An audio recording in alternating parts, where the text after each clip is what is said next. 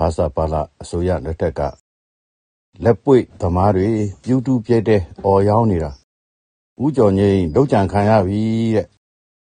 သတင်းကောင်းစဉ်စလုံးမဲကြီးကဒီအတိုင်းပဲ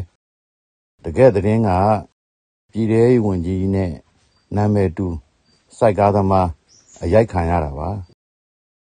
ခွင်ချောင်းတွေလုံးချခဲ့ကြပုံပြောပါတယ်သူကလည်းဒါကို သတင်းပညာလို့ကာကွယ်ပြောကြတာပေါ့တော်လိုင်းရေးမှာတော့ဒီလိုအတက်ဆန်းတွေတိတ်ပြတာဟာမယိုးသားယုံမကရည်ရွယ်ချက်ကိုကပျက်စီးစေလိုတဲ့အောက်တန်းကြမှုတွေပါပဲဒါဟာကိုမမင်းမီကဖြစ်ရပေမဲ့စာနယ်ဇင်းဟောင်းတွေတဲ့ဖတ်ဘူးလို့တေချာမှတ်မိနေတဲ့လောက်ကြံမှုပါ